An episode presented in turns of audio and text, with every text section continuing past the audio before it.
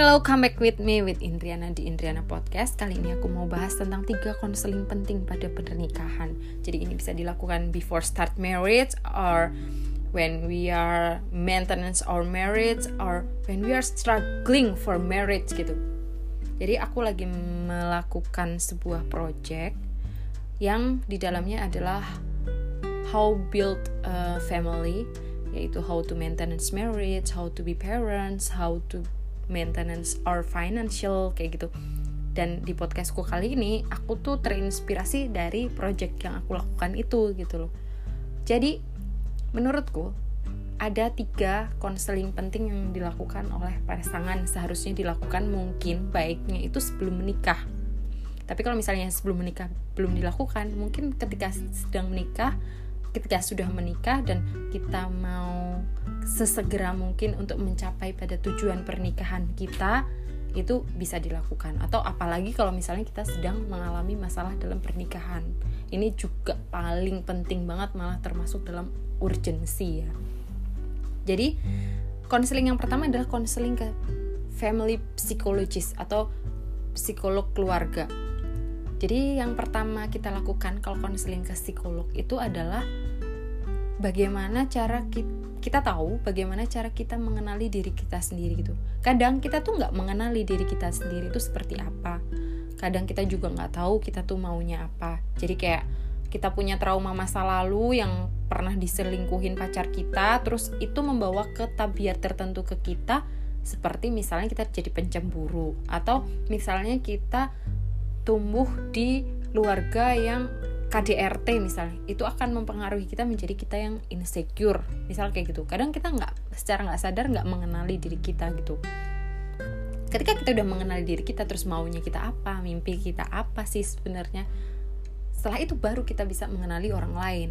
Dia itu pasangan kita. Dan pasangan kita dia membawa backgroundnya sendiri. Dari masa lalunya dia mungkin dari cara dia bertumbuh di keluarga dia membawa karakter karakternya dia sendiri, membawa masa lalunya dia sendiri, membawa mimpinya dia sendiri. Dan fungsi dari psikolog adalah menjembatani.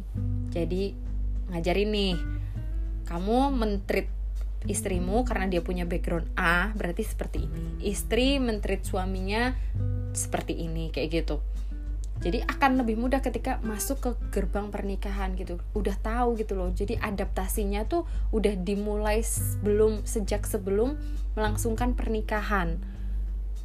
Apalagi setelah istri melahirkan oh itu hormon itu sangat mempengaruhi gimana kita sebagai istri tuh stres banget. Nah kalau misalnya suami sudah dibekali oleh psikolog sebelumnya ada advice dari psikolog gitu kan akan lebih mudah gitu loh pasangan ini menjalaninya gitu.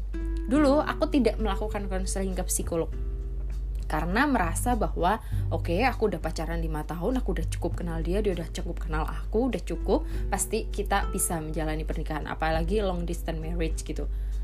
Ternyata perlu adaptasi yang lama antara aku sama suamiku. Lima tahun ini bahkan aku mungkin masih bisa dibilang adaptasi walaupun udah nggak separah yang tahun-tahun sebelumnya awal-awal pertama mungkin makanya orang zaman dulu bilang kalau lima tahun pertama tuh cobaannya paling besar 10 tahun pertama tuh cobaannya yang paling besar. Menurutku mungkin karena antar pasangan ini belum mengenali satu sama lain atau bahkan belum mengenali dirinya dia sendiri gitu. Jadi nggak tahu maunya apa gitu atau programnya nanti kita tuh harusnya gimana kayak gitu.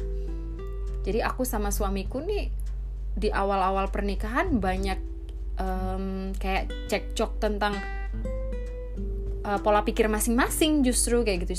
Coba kalau misalnya seandainya sebelum pernikahan aku melakukan konseling ke psikolog menurutku mungkin uh, masa adaptasi lima tahun itu bisa hanya pada satu tahun pertama kayak gitu. Dan kita ting udah tinggal jalanin tujuan pernikahan kita aja nggak terus sambil beradaptasi sambil berjalan menuju tujuan kita kayak gitu. Nggak nggak capek gitu loh. Jadi yang kedua adalah konseling ke financial planner atau financial advisor.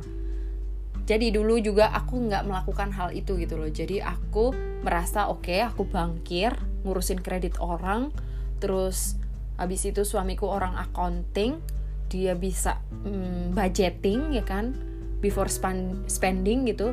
Jadi pos pengeluaran pos pemasukan kayak gitu dia bisa ngatur. Jadi aku merasa bahwa aku sama suamiku udah nggak usah pakai financial advisor gitu. Emang sih kita bisa ngatur pos pengeluaran pos pemasukan kayak gitu. Bisa ngatur ini pendapatan tahun ini akan didapat dari ini ini dan akan dikeluarkan untuk ini ini ini. Budgeting before spendingnya itu jalan gitu. Tapi untuk saving dan investing kita buta. Coba kalau misalnya sebelumnya aku udah uh, konsultasi dulu ke financial advisor atau financial planner mungkin dari awal pernikahan nih aku udah bisa saving dan investing yang benar-benar sesuai dengan profil resikoku gitu loh. Jadi kenapa kita harus sebisa mungkin tuh konseling sebelum menikah ya ke financial advisor. Kita perlu mengenali profil resiko kita gitu. Seperti tadi kita kenal diri sendiri ya secara psikologis. Kalau secara financial tuh kita tahu bahwa oke okay, gajiku 5 juta, aku nggak punya beban apa-apa. Suamiku misal gajinya 10 juta tapi dia punya beban menyekolahkan adiknya yang bahkan dia mungkin masih TK misalnya. Jadi dia harus nyokolahin bantuin nyokolahin adiknya dari TK SD SMP SMA jadi beban ini akan menjadi uh, agak panjang puluhan tahun gitu belasan tahun gitu. Nah ini yang namanya profil resiko gitu. Nah ini kalau misalnya udah kita udah konsultasi ke financial planner dan advisor gitu kita jadi tahu langkah-langkah apa aja sih yang bisa kita lakukan supaya walaupun kita punya profil resiko yang berbeda untuk mencapai tujuan yang sama apa yang kita lakuin sebelumnya gitu loh. Misalnya kayak kita mengukur oh dengan pendapatan bersih sekian maka kita akan berada di level gaya hidup yang skala 10 1 sampai 10 itu misalnya kita di 6 pada 5 tahun sampai 10 tahun pernikahan kita pada level gaya hidup 6 aja kayaknya udah cukup gitu.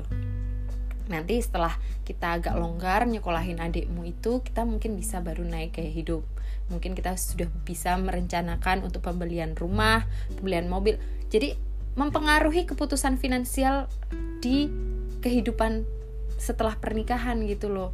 Nah kalau misalnya setelah nikah baru tahu profil resiko masing-masing kan kaget gitu loh ternyata. Oh ternyata ternyata kayak gitu-gitu loh. Padahal sebelumnya itu bisa diminimalisir sebelum melaksanakan pernikahan gitu.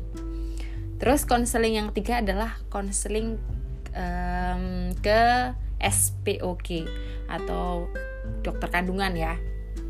Jadi untuk dokter kandungan ini sebaiknya dilakukan sebelum pernikahan supaya kita masing-masing tahu oh kita berdua nggak ada kekurangan. Seandainya ada kekurangan berarti langkah-langkah yang harus dilakukan program kan banyak tuh. Dokter juga kan pasti akan tahu oh nanti program yang cocok buat kamu A program yang cocok buat dia B kan kayak gitu. Jadi sebelum menikah kalau misalnya kita udah tahu masing-masing salah satunya ada kekurangan setelah menikah kita tahu apa sih yang harus kita lakukan. Dan kita mungkin bisa juga menyiapkan dananya karena program itu kan program untuk bayi itu kan nggak murah ya gitu check up dokternya aja. Dulu zaman aku hamil tahun 2014 300 ribu gitu. Itu zaman aku kuliah di Surabaya eh zaman aku tahun 2015 di Surabaya. Nah terus kalau misalnya sehat-sehat aja dua-duanya ya udah berarti kan bersyukur. Cuman tinggal kapan dikasih rezekinya sama Tuhan gitu aja. Dulu aku tidak melakukan juga ini konsultasi ke dokter kandungan aku lakukan baru setelah satu bulan menikah untungnya satu bulan menikah uh, maksudnya cukup sedini mungkin ya aku melakukan konseling ini dan ternyata rahimku itu retrofleksi atau rahimku tuh kalau bahasa awamnya tuh kebalik gitu jadi kalau misalnya pengen berhasil program itu aku harus melakukan posisi tertentu pada saat melakukan hubungan suami istri sama suamiku. Ada triknya. Coba bayangin kalau aku tidak melakukan konseling pada uh, awal pernikahanku. Mungkin satu tahun misalnya aku diemin aja gitu ah, tanpa check up atau apa pun gitu.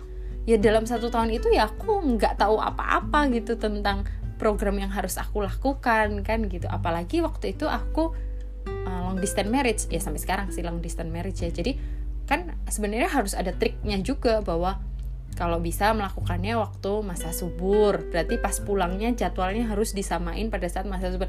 Dan sebagainya itulah gitu. Jadi sebaiknya memang konseling ke SPOG ini emang penting dilakukan sebelum menikah gitu. Jadi supaya setelah menikah seandainya ada masalah kita bisa mengambil langkah-langkahnya itu secepat mungkin supaya kita juga segera bisa melakukan program. Tapi seandainya memang kita baik-baik aja semuanya normal-normal aja berarti kita tinggal menunggu rezeki dari yang di atas. Karena yang namanya anak ini kan rezeki ya sedikasinya Tuhan aja kayak gitu. Jadi gitu aja sharing dari aku semoga berguna. Terus nanti kalau projectku udah jadi aku bakal share di podcast ini. Dan semoga bisa bermanfaat buat orang lain okay, see you on my next podcast.